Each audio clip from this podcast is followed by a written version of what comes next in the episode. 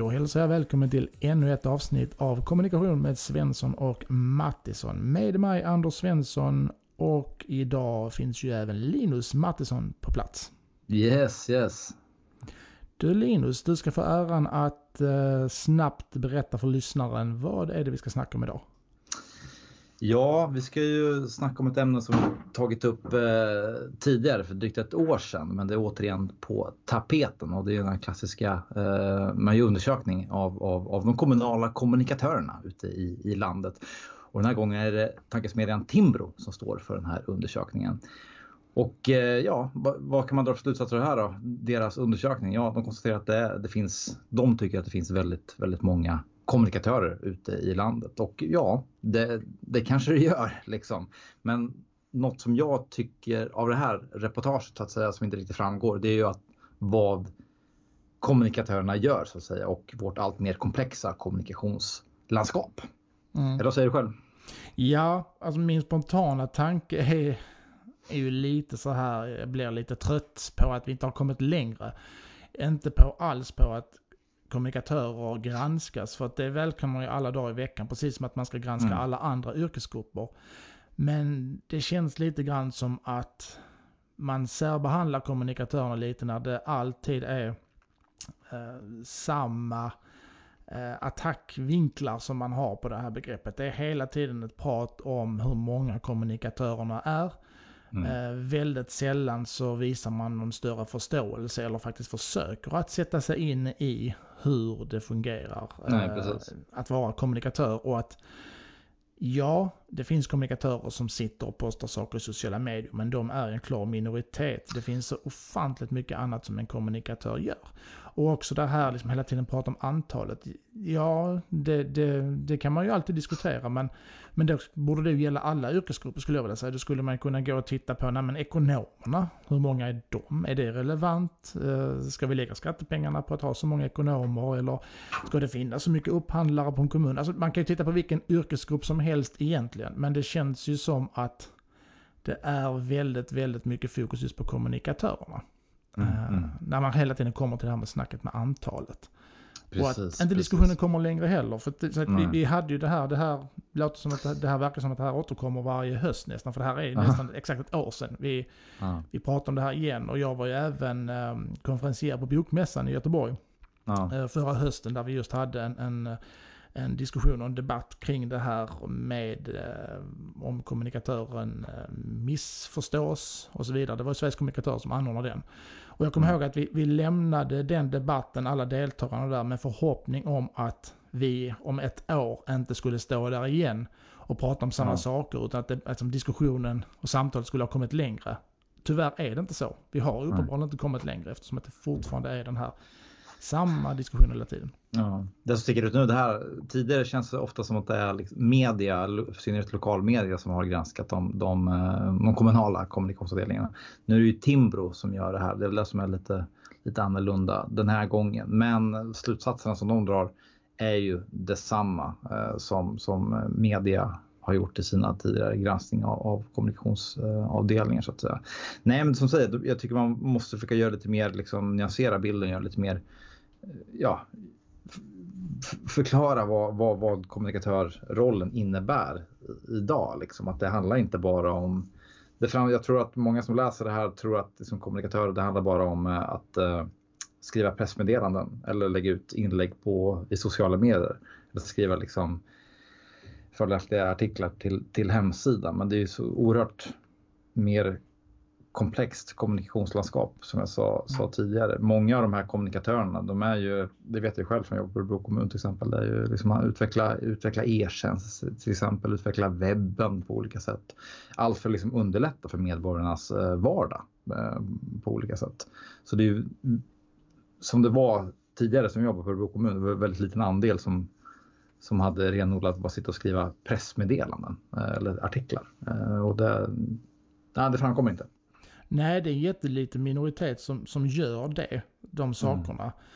Mm. Uh, och uh, det var också någon, någon, ledare som jag läste här nu som jag också kunde bli sådär lite trött på. Det var ju liksom han, Han ställde ju lite den här retoriska frågan, eller skrev ungefär så här att ja, en relevant fråga att ställa sig det här är ju hur eh, den offentliga verksamheten klarade sig utan kommunikatörer förr i tiden. Bevisligen gick det ju alldeles utmärkt. Uh, som om det skulle bevisa någonting. Och jag bara säger uh, hallå, uh, Facebook, Google, mm.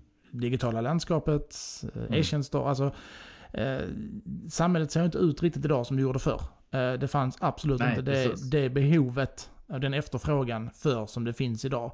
När ja. vi lever ju i ett informations och kommunikationssamhälle. Ja, ja. Vi har ju liksom lämnat mm. industrialismen någonstans och, mm. och gått över till informalismen. Och det verkar ju som att den ledaren, och den är sannolikt inte ensam, äh, helt har missat. Så att jag, jag, där, där blir det liksom löjligt. Äh, där får man liksom mm. läsa på lite grann och faktiskt tänka lite grann. Äh, mm. Kring inte vara Nej, men tidigare, tidigare var det liksom, där man innan digitala landskapet så att säga, det var ju vad ska man säga, lokaltidning, lokalmedia och eh, eventuella inslag eller artiklar där eller debattartiklar eller insändare som man eh, var, var, var tvungen att möta så att säga som en, som en kommunikationsavdelning. Men det är ju, ser helt, helt annorlunda ut idag. Liksom. Det är ju helt, helt annan typ av, av liksom brus och flöde av, av, av information. Eh, ja, liksom. och där mångt och mycket liksom, den traditionella journalistiken har blivit överflödig och icke efterfrågad. Det, det är ju kalla fakta, men så är det. Att eh, de flesta av våra mediehus går då runt på grund av sina pressstödspengar som ju är ju statliga pengar, eh, alltså stöd. De skulle ju inte, alltså, skulle de, de flesta mediehusen då bär inte sig själva. Och Nej. det är ju varken kommunikatörernas fel eller de som ligger bakom att det har blivit så överhuvudtaget. Utan jag skulle snarare säga att eh, kommunikatörerna är en av flera liksom, effekter det har lett till. Att man, man har ändå fortfarande kvar det här informationsbehovet. Eh, som medierna bevisligen idag kanske inte riktigt fixar. Eh, och mm. återigen att det finns så mycket fler kanaler idag. Eh, att möta medborgarna på och att det är så otroligt komplext hela medielandskapet. Alltså återigen, för, förr i tiden så när vi bara hade ettan, tvåan och den lokala blaskan låg på bordet där hemma på köksbordet. Ja men då kunde man ju veta liksom att nej men vi sitter och tittar på ettan och tvåan och vi läser en lokaltidning för vi har inga andra alternativ. Idag så är det så otroligt spretigt. Det har inte minst visat sig nu med den här coronakommunikationen att återigen hur, hur kommunicerar man till alla? Och, och mm. det kan man ju tycka, ja men det är väl lätt. Nej, det är ju det absolut svåraste. För att hur jag, liksom, de medierna jag, jag konsumerar är, kan vara helt olika jämfört med vad min granne gör till exempel. Eller vad min, min sambo eller min fru, make som jag, man lever med. Mm. Uh, tidigare var det inte så. Då satt ju alla och kollade på ettan, tvåan och läste den lokala tidningen. Och kanske någon riksmedia också. Man visste var alla fanns. Det vet man inte idag. Så det kräver så otroligt mycket mer och är så otroligt mycket mer komplext än vad det någonsin har varit någonstans. Mm. Samtidigt är det ju oroväckande också om, om eh, den allt, jag menar, den allt eh, tunnare, vad heter det, lokal, lokalmedien så att säga, att den blir allt mer utarmad på olika sätt. För att vilka är det som ska, vad heter det, kika i de kommunala diarierna och så vidare, undersöka dem. Om, vem ska göra det om inte dem? Ja, och jag brukar säga det att jag är inte liksom per definition orolig för att den lokala journalistiken försvinner. För att återigen, det, det är ju liksom ingen naturlag att vi ska ha journalistik i samhället. Det är ju inte det. Det jag är orolig för är vad som kommer efteråt. Uh, om det ens kommer någonting. Det, det är snarare det som borde oroa. Uh, och där kan man ju också säga, ja, nej, det är liksom, jag förstår att mediehusen har det tufft men, men jag kan ju öppna liksom valfri nyhetssajt eller, eller bläddra i valfri papperstidning, eh, vilket man inte gör så ofta längre. Men, men, men om jag gör det, så majoriteten av de, de grejerna man faktiskt gör i tidningen skulle man kunna valt bort för att istället göra den här fördjupande, granskande journalistiken istället. Mm. Den som faktiskt, eh, mm. jag tror gemene man skulle vara beredd att betala för. Alltså, så att de mm. kan också Eh, tror jag vässa sig ytterligare. Men det är en helt annan diskussion. Men, men mm. jag skulle säga att Nej, sambandet finns ju inte. Sambandet finns inte mellan de minskande journalisterna och de ökande antalet kommunikatörerna. Ja, enda sambandet är väl att många kommunikatörer är gamla journalister. Eh, mm. vilket både du och jag är. Mm. Men, men det är inte så att, uh, att mediehusen går dåligt på grund av kommunikatörerna. Det har liksom ingenting med varandra att göra. Mm. Men ja jag vill bara plocka upp en liten grej som du pratade om, just det här med just det, som jag tror är en av orsakerna till att den här kritiken hela tiden återkommer kring antalet och den här oförståelsen. Det är just det här att det är ju jätteotydligt vilka yrkes, yrkeskategorier som inkluderas i begreppet kommunikatör. Att det Ja, finns precis. otroligt många, att det finns ju allt från presschefer, Ja. jag har till och med sådana här, vad ska man säga, servicevägledare som sitter på kontaktcenter, alltså typ receptionister och så som, som kallas kommunikatörer i titeln. Precis, precis. Eh, Det kan vara en som är typ en sekreterare på eh, Ja. kommunfullmäktige som kallas kommunikatör. En som sitter och jobbar med hemsidan, Mm. skriver texter, eh, jobbar för medtjänster. Alltså det är så... Och därför tror jag också att vi, och den diskussionen har ju varit uppe tidigare vet jag. Precis. Men att vi kanske borde gå ifrån begreppet kommunikatör och framförallt Ja. liksom börja ha mer yrkeskategoriserande titlar för att Mm. öka förståelsen Mm. kring vad man gör. Alltså jobbar du med sociala medier, ja men då är du social media manager eller vad man nu ska kalla det för. Mm. Jobbar du med hemsidan, men då är du webbredaktör. Uh, Mm. Utvecklar e-tjänster, ja e-tjänstinformatör eller vad som helst. Men att Mm. Precis som att du inte springer runt och kallar, ja i folkmun heter det ju hantverkare. Men, men, men det heter de ju inte per se. Det är inte Nej. så att... Uh, Nej, det, det är var bra. det är rörmokare, takläggare, plåtslagare. Ja. Läkare är samma där. Du har hjärnkirurg, du har knäspecialist, du har... eh, Alltså, Mm. det är inte konstigare egentligen. Att jag, jag välkomnar det och där, där, där måste väl liksom... Jag vet inte vem som ska ta tag i det men, men Sveriges kommunikatörer och SKR eller något sånt skulle ju kunna driva på det arbetet faktiskt. eh, Med Mm. att vi börjar lämna... Alltså, inleda en, en resa mot att lämna just det här att vi kallar alla kommunikatörer. eh, Mm. tror Nej, men det, som sagt, vi snackade om det tidigare. Jag tror att också en sån, en sån liksom växling skulle vad heter det, innebära också en annan typ av stolthet för det man gör också, tror jag. Eh, Ja. I, många, I många fall, tror jag. Att man skulle, ja, man, mm, ja, en annan typ av stolthet helt enkelt för ens, för ens yrkesroll. Ja, mycket tydligare både internt och externt också. Och då, då, då skulle man inte få de här höga siffrorna som man nu tycker är väldigt, väldigt höga.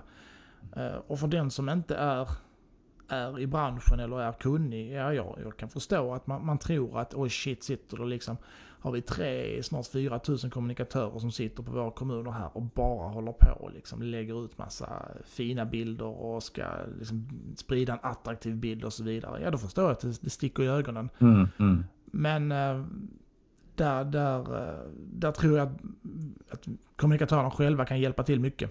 eh, Genom att faktiskt ha lite mer yrkeskategoriserade titlar. Faktiskt. Vi, vi liksom kan inte kalla oss kommunikatörer allihopa för det blir, det blir alldeles för, för luddigt begrepp. ja, jag håller med dig. Så är det. Har du nå- något annat du kan utläsa av den här senaste undersökningen från Timbro? Är det något som du... Nej, det är väl, eh, de har ju fokuserat väldigt mycket på, eh, på poddar. Har de gjort ju. Där de Mm, har listat kommunala poddar. Eh, Mm. Och man väl, har väl tagit typ så här Göteborg som exempel att de typ Göteborgs stad har väl närmare 20 poddar. Eh, man, man tar väl liksom inte upp några lyssnarsiffror och så direkt utan man, man antar väl liksom bara i sin presentation att det inte är någon som lyssnar på de poddarna och så.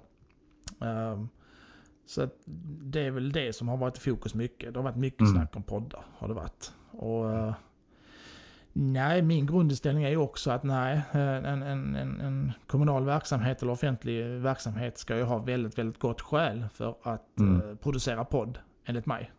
Mm. Dels för att den, den fria privata marknaden finns så otroligt många poddar som, som tillgodogör i stort sett varje behov. Det, det, det är ju bara att gå in och söka. Det finns ju en podd för varenda nisch någonstans.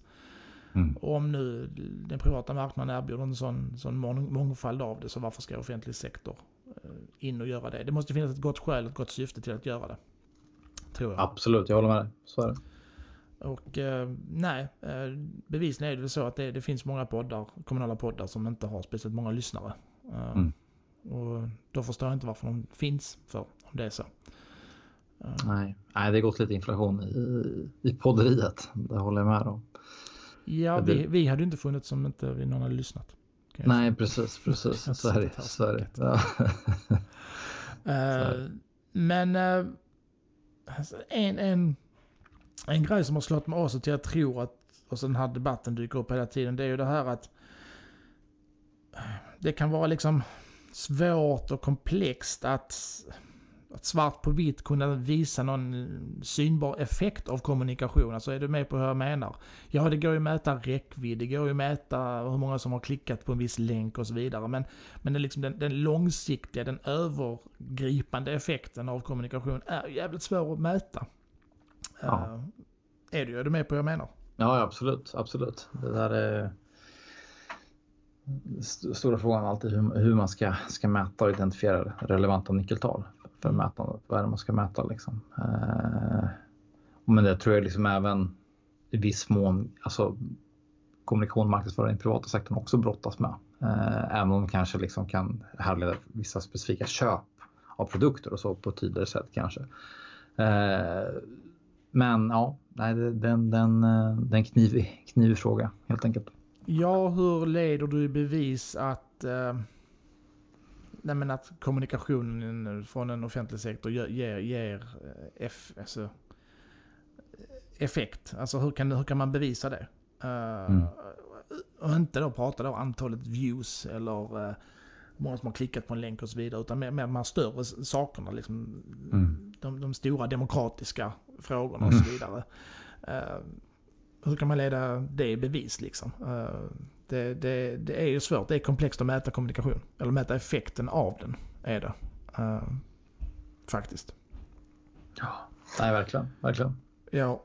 Och sen en annan sak som jag tror, det, det, det, var vi inne på lite grann det här med poddar och så vidare. Att jag tror, vi ska ju också vara självkritiska samtidigt. Alltså ja, återigen, är vi för många kommunikatörer i Sverige? Mm, ja, det kan inte jag svara på.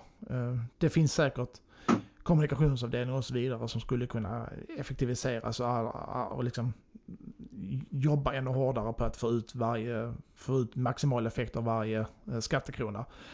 Precis som det finns i alla andra branscher tror jag.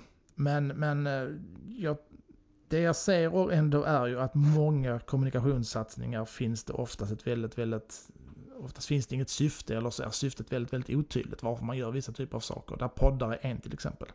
Mm. Ehm, att man liksom, jag tycker inte att liksom, skattepengar per se ska gå till att producera podcast. Dyra podcast uh, som ingen lyssnar på. Nej, man har väl läst om liksom satsningar på podcast eh, inom offentlig sektor. Jag kommer inte ihåg vilka, vilka det var, men som har lagt det liksom externt på externa produktionsbolag. Och det att, att lägga alltså podcastproduktion externt, det, det förstår inte jag riktigt hur, hur man kan göra så att. För det är otroligt simpelt i att, att producera podcast i, i grund och botten. Är det ju. Mm. Så det, ja.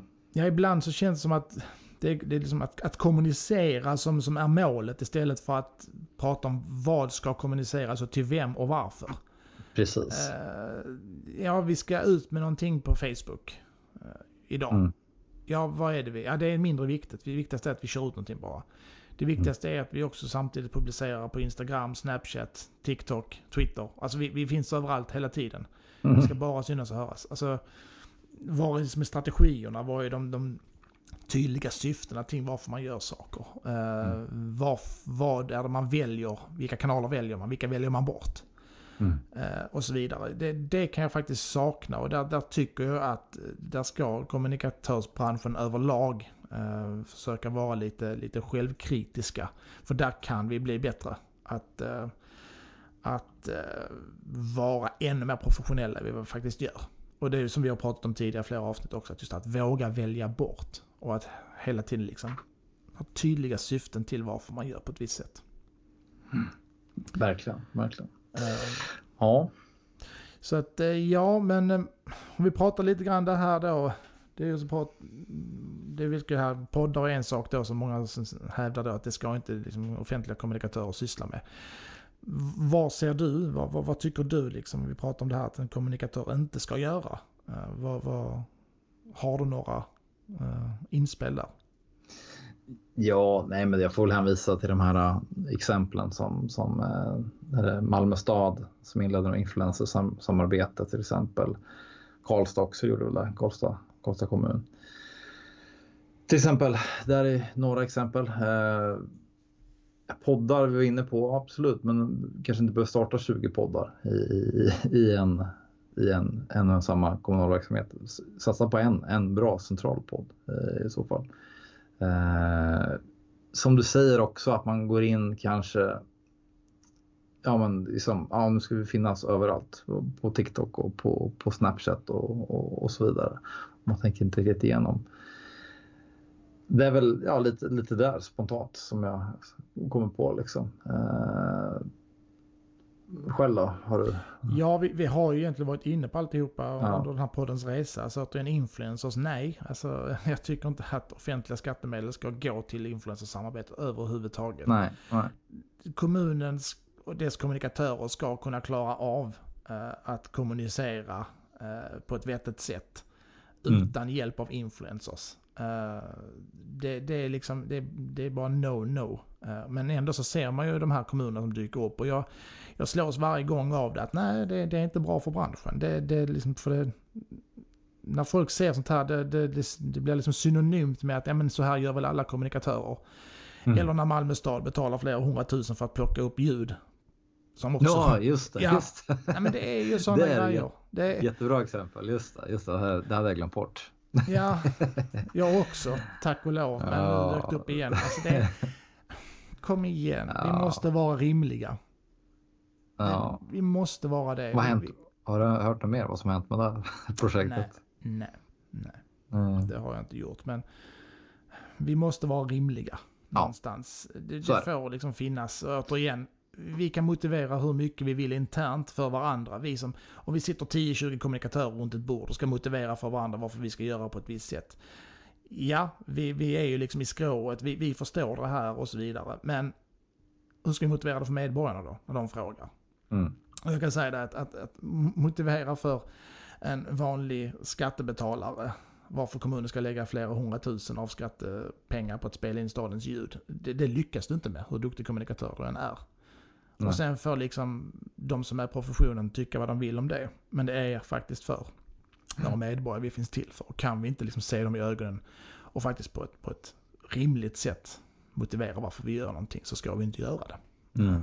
Så att, eh, och så skulle jag vilja säga där också, just konsulttjänster, alltså köpa in dyra konsulttjänster är ju också samma där. Och, eller de här flosklerna typ inom citationstecken. Skapa en attraktiv bild av kommunen eller sätta kommunen på kartan som ju har eh, eh, citerats ett par gånger av flera ledare. Nej, mm. det tycker jag inte heller att en, en kommunikatör ska, ska hålla på med. För det är det här sminka griset som vi, som vi absolut inte vill se. Utan mm. Ska vi då prata om vad en kommunikatör ska göra? Så för mig, det centrala för mig är liksom att sprida kunskap. Se till så att mm, kommunmedborgarna eller de medborgare som finns i regionen och så vidare är välinformerade av, är välinformerade av om, om viktiga saker. Alltså välinformerade medborgare är en förutsättning för demokratin. Mm. Och kan man då liksom hjälpa till att, att sprida kunskapen, jag brukar säga öppna dörren in till, till uh, verksamheterna. Uh, och, och väcka medborgarnas intresse. För det är ju ändå en demokratisk institution, offentlig sektor är det ju. Mm. Och vårt uppdrag är ju också att, att vara kunskapsspridande men också att öka intresset och engagemanget för det vi gör. För att vi, vi, vi jobbar ju för medborgarna ju. Och det, utan har vi inte med oss dem så, så, så funkar det inte. Um, och eh, sen det här också som man hela tiden återkommer också till. Så att man ska kommunicera genuint och ärligt och transparent och så. Alltså man ska liksom lyfta fram både bra och mindre bra saker och så. Men där skulle jag vilja säga att det är snarare inte det är inte bara upp till kommunikatören utan det är faktiskt hela verksamheten som måste ställa sig bakom det. Alltså hela verksamheten måste vara så pass mogen, kommunikativt mogen, att de klarar av att faktiskt också prata om mindre bra saker. Eller att våga erkänna sina fel och misstag. Och det, det känns väl inte som att så många verksamheter har den mognaden än. Nej, nej jag håller med fullständigt. Eh, men det, jag, jag tror man, även om det är tufft att ta det ta det klivet så att säga och ha beredskap för att svara på, på frågor och anstormning så tror jag att många skulle känna på det. Eh, att vara lite mer modiga och transparenta och belysa olika typer av utmaningar eh, på olika sätt. Ja, vi pratar hela tiden om det men det är så otroligt få som är det. Mm. Och, eh, men, men Ja, nej, det, det där är superintressant. Ja, och det är oftast kommunikatören som, som ju helt plötsligt får skulden för det. Ju. Att, mm. att eh, man bara pratar om positiva saker och så vidare. Ja men eh, många gånger är det så att kommunikatören har ju direktiv uppifrån eller från chefshåll och så vidare att göra Mm. det. Och då är det så att som kommunikatör går emot det. Man kan ju bara internt liksom, eh, ge goda råd och, säga, och komma med sin liksom, expertis kring det. Men om inte verksamheten är mogen för att ta emot det och förstår Nej. liksom, vinsten med det så Mm. är det ju helt omöjligt att göra. Mm. Så att eh, Mm. eh, det är faktiskt hela verksamheten, hela organisationen som måste ställa sig bakom det och, och möjliggöra för kommunikatören att kunna kommunicera transparent och ärligt och genuint. Ja. För det är, inte bara, det är faktiskt inte upp till kommunikatören. Utan den, den, eh, den måste ha eh, förutsättningar för att kunna göra det. Precis. Nej, men intressant ämne, det får vi återkomma till och kanske snacka med någon kommunikationschef och bolla, bolla det här. Ja, absolut. Det tycker jag. Och sen, sen är det som alltid det här att lyfta fram bra saker. Alltså, ska man liksom bara dyka ner i ett valfritt sociala medieflöde hos en, en offentlig sektor så kan man ju alltid hitta enskilda inlägg som det går att fnysa åt ju. Eh, Mm. Någon vacker naturbild eller något lite skojigt och käckt och så vidare. Men då måste man också liksom förstå hur sociala medier fungerar. Att eh, man måste se varje inlägg som en del i en större kontext. Är du med på? Jag tänker att varje inlägg kan ju inte vara tung och viktig samhällsinformation utan det måste ju finnas liksom lite lättsamma saker också. Man, det, sociala medier handlar om att bygga liksom relation med sina följare. Mm. eh, För att överhuvudtaget kunna nå ut. Eh, Och då måste man bjuda liksom på både sött och salt och jag brukar säga Mm. långsamma och snabba kolhydrater. Mm, precis. Men det, blir men, det, men det är ju inte svårt att liksom hitta de här enskilda inläggen och fnysa åt ju. Eh, Och är man då som sagt inte kunnig på sociala medier fungerar så kan man ju då tycka att det, det ser liksom ut som att varför håller kommunen på att larva sig här och gör det och så vidare. Men Mm. Mm. det är ju faktiskt så sociala medier fungerar. Du, du är med på vad jag tänker? Absolut, absolut. Så här, det gäller att hit- hit- hitta balansen där så att säga. Men det får inte bli, det får inte bli en propagandakanal eh, och bara pumpa ut glada positiva grejer. Det gäller att hitta, hitta balansen som sagt. Ja, nej. Sött salt. Långsamma Sött salt. kolhydrater, Ja. snabba kolhydrater. Ja. Och så liknelse. vidare. Ja, så är det verkligen. Ja, Yes. nej men eh, vi får väl eh, tyvärr väl anledning att återkomma till det här ämnet eftersom att vi ju senast vi pratade om det här för ett år sedan så har debatten bevisligen inte kommit så mycket längre. Eh, Nej, det känns som det.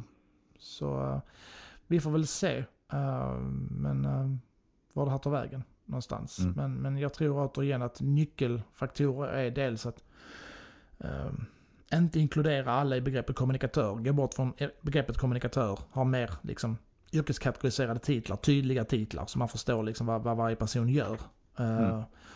och eh, Det tror jag är, är eh, en central grej i det här faktiskt. Eh, för att liksom öka lite grann förståelsen kring det.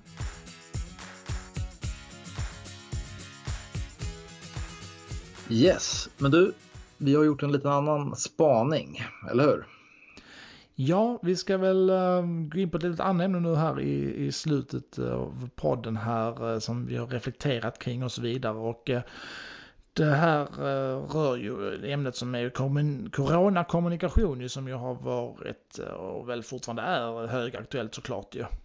Eh, sen coronapandemin slog till där i februari-mars i år. Eh, och där, där har vi ju liksom gjort lite spaningar Linus och också reagerat lite grann mot hur man bedriver sin coronakommunikation. Ja, absolut. Jag ska inte hänga ut några med namn och sådär, men jag. Det är väl mer liksom det här. Äh, vad ska man säga? Tjatet. Och jag vet inte. Vissa motiverar att man måste, måste fortsätta tjata, men äh, det här tjatet med att hålla två meters avstånd och så producerar man kanske eh, lite roliga filmer kring det här och, eller annan typ av kommunikation. Men liksom, jag tror att ingen, ingen eh, i Sverige har undgått den att man ska, det är två, två meters avstånd som gäller. Sen att folk skiter i, liksom, du bara kolla Tylösand, vad var det, 40 000 samlade på beachen samtidigt. Mm. Eh, eller ja, men andra ställen, på krogar, you name it. Liksom. Jag menar såklart alla de mer eller mindre, eller vet om att, att det är två meter som gäller, men folk, eh, folk skiter i liksom. Så jag vet inte riktigt det här med fortsätta tjata om två meters avstånd till exempel. Vad, om man ska Alltså jag tänker att man ska publicera den typen av kommunikation i, i, på Facebook eller på, i sociala medier. Liksom. Vet inte alla om det redan? Är inte liksom bättre att försöka jobba med liksom ännu mer som nudging i, i, i, i vardagen, tänker jag. Och ja. du, kan ju förklara, du kan förklara vad nudging är för någonting. Ja, men det är väl liksom ett verktyg som man kan använda, en form av fysisk kommunikation. Mm, eh, mm. Som man använder i liksom det fysiska rummet för att få till då den här beteendeförändringen som man önskar. Det, typiskt nudging det är ju när man har de här strecken i marken till exempel. När man vid, vid kön till kassan till exempel. När man precis, är i mataffären. Ja. Att stå här, stå här, stå här. Eh, ja. Och då blir det ju mycket lättare för folk att, att efterfölja det och också påminnas om det. Eller olika typer liksom av skyltar just eh, vid liksom det fysiska rummet på platsen. Um, och det är ju också bevisligen det som funkar när det gäller ja. just den här coronakommunikation. Det är ju liksom nudging, fysisk kommunikation i det fysiska mm. rummet. Vi får liksom inte glömma bort heller liksom det mänskliga beteendet. Att, att människan är en sån typ av varelse som inte gärna vill ändra sina beteenden. Mm. Människan vill i största möjliga mån bara fortsätta med sina beteenden som vanligt och är inte alls benägen att ändra sig överhuvudtaget. Utan då måste man faktiskt, nej, nästan som en skockfår någonstans, ja, leda dem rätt och få dem att förstå. Sen återigen, ja. finns det folk som skiter i det? Och det, det sa jag också att vi har vetat det här liksom, tvätta händerna, hålla avstånd två meter och så vidare. Ja. Det har alla vetat sedan i mars. Det har inte undgått en endaste människa. Problemet är ju att vi är olika som människor, några tar det på allvar, några skiter i det. Och de som skiter i det, jag är ledsen, men det finns nog ingen kommunikation som löser de problemen, utan då får de väl bara vara hopplösa människor då. Men, men det är inte kommunikatörens ansvar ja. eller uppgift att lösa de problemen. För... Eh, Nej, Nej, det är svårt. Samtidigt så kanske liksom det är någon slags pliktskyldighet också att köra de här två meters tjatet så att säga och tvätta händerna och sådär. Ja, jag, förstår att man gör, jag förstår att man gör den kommunikationen men samtidigt. Ja, jag vet inte. Hur mycket kraft ska man lägga på det? Jag betvivlar verkligen inte att ändamålet är gott. För det, det är jag 100% övertygad om att mm. det är. Man, man, man vill ta sitt samhällsansvar, man vill informera, man vill liksom, mm. nej men typ, nu har vi sagt det åtminstone. Alltså då ska ingen kunna komma och säga efteråt att vi inte var tydliga och sa detta. Men, men det går ju till en gräns också. Och framförallt om man tror att sociala medier på något sätt är huvudkanalen för den här kommunikationen. Ja men det är inte alls det. Alltså de här roliga putslustiga filmerna om att hålla avstånd hit och hålla avstånd dit och, och eh, mm. alltså de har noll effekt. Eh, sociala medier är ett enormt brus. Vi brus, scrollar igenom liksom och om var tredje eller varannan sak är liksom det här hålla avstånd, hålla avstånd. Vi blir immuna och det blir vi väldigt, väldigt fort. Och, och det är mm. ingenting som vi tar med oss ut sen i det fysiska rummet och faktiskt kommer ihåg. Däremot så är det liksom den här nudgingen på plats som funkar för de här typen av saker. Där är jättetydligt liksom att det, det, det handlar liksom om beteendeförändring och beteendeförändring löser du inte med en, en, en skojig film i sociala medier. Eller ännu en post som bara pratar om avstånd. Jag skulle snarare säga just att offentlig sektor eller offentliga verksamheter, företag och så vidare, om man vill prata om corona, ja men ta då liksom corona och, och istället belys hur har det påverkat er verksamhet? Hur arbetar ni idag? Jämfört med tidigare utifrån corona. Typ mm. lyft fram arbetet på äldreboendena. Uh, hur jobbar kultursektorn? Nu när man inte kan ha några evenemang till exempel. Alltså det här, hur har vi anpassat oss? Hur påverkar det här dig som medborgare? Hur, hur påverkar det vår service mm. till dig som medborgare, det här med corona? Mm. Vad, vad är det vi inte kan göra, men vad är det vi gör istället? Lyft sådana konkreta saker istället och liksom skippa det här liksom tjatet hela tiden. För det är så, det är så fantasilöst, skulle jag vilja säga. Ja, uh, jag håller med dig. Ja, och sen läste jag väl också det här begreppet nudging. Uh, det kom väl till, tror jag, var inte det på en flygplats i Holland? Var det Amsterdam kan det vara? Eller sådär som... Och det var ju rätt briljant om man förstår det här vad nudging är. Det var väl att de på toaletterna på flygplatsen hade problem med att folk uh, kissade utanför. Eh, vad heter det, urinarerna. Heter det urinar? Mm. Ja, det heter det. man hade problem med att folk kissade utanför urinar. Och då, då satte man liksom i den här urinaren en liten, liten fluga. Eh, ja. Som då när, man, när då männen stod och kissade eh, omedvetet försökte liksom pricka eh, när man stod och kissade. Och det slutade Okej. då med att man, man hade tydligen så här 80% mindre liksom urin Ja. läckage på golvet. Briljant. Briljant ja, det är briljant. Ja. Det är det vad nudging är. Någonstans. Att de fick till en beteendeförändring genom att göra en den flygplatsen, de kunde lagt ut hundratals filmer där de uppmanar folk till att "Eh, kissa nu mitt i urinaren och inte på sidan så det stänker på golvet. Ja. Och ingen hade lydit den. Men den här Nej. lilla briljanta grejen gjorde så att 80% av urinet hamnade där det skulle. Alltså, de Ja. fick 80% mindre urinstänk på sina toalettgolv på flygplatsen. Det är roligt, det känns så typiskt snubbar också. Försöka pricka den här Ja. flu- flugan. Eller hur? Ja, precis, precis. Man gör liksom en Ja. sport till det. Nej, men det är Ja. ju det det handlar om. Så att jag skulle säga att ha lite mer fantasi och återigen, ja, de får göra precis vad de vill, men skippa de här. Håll avstånd filmerna nu. Vi kan detta nu, gå vidare. Tänk lite mer kreativt kring liksom er coronakommunikation och framförallt syftet kring det och så vidare. Det är ingen som, alltså, de som har fattat har fattat och de som inte har fattat kommer aldrig att fatta. Det, det är tyvärr så. Ja, lite så är det. Lite så är det. Yes, nej men kanon. Eh, dags att avrunda här. Jag tycker det var bra tugg. Det är alltid bra här på den, det vet du väl. Ja, absolut, absolut. Och eh, håller du med oss om detta eller inte alls håller med oss och vill bara spy alla på oss så ska man såklart höra av sig till oss eh, och följa oss. Vi finns ju på Facebook. Sök eh, på Svensson och Mattisson. Följ vår Facebook-sida om du vill få våra senaste avsnitt i ditt flöde. Eh, skriv gärna till oss där också eller mejla oss svenssonmattisson.hotmail.com om du har synpunkter, frågor eller kritik, positiv, negativ, whatever. Det är jättekul att läsa de mejlen som kommer in. Och vi svarar på allihopa, det lovar jag. Yes. Gött! Vi, ja, vi tackar så hörs vi om två veckor igen. Onsdag två veckor tillbaka. Ta hand om er. Ja, ta hand om er. Tja, hejdå! Hej!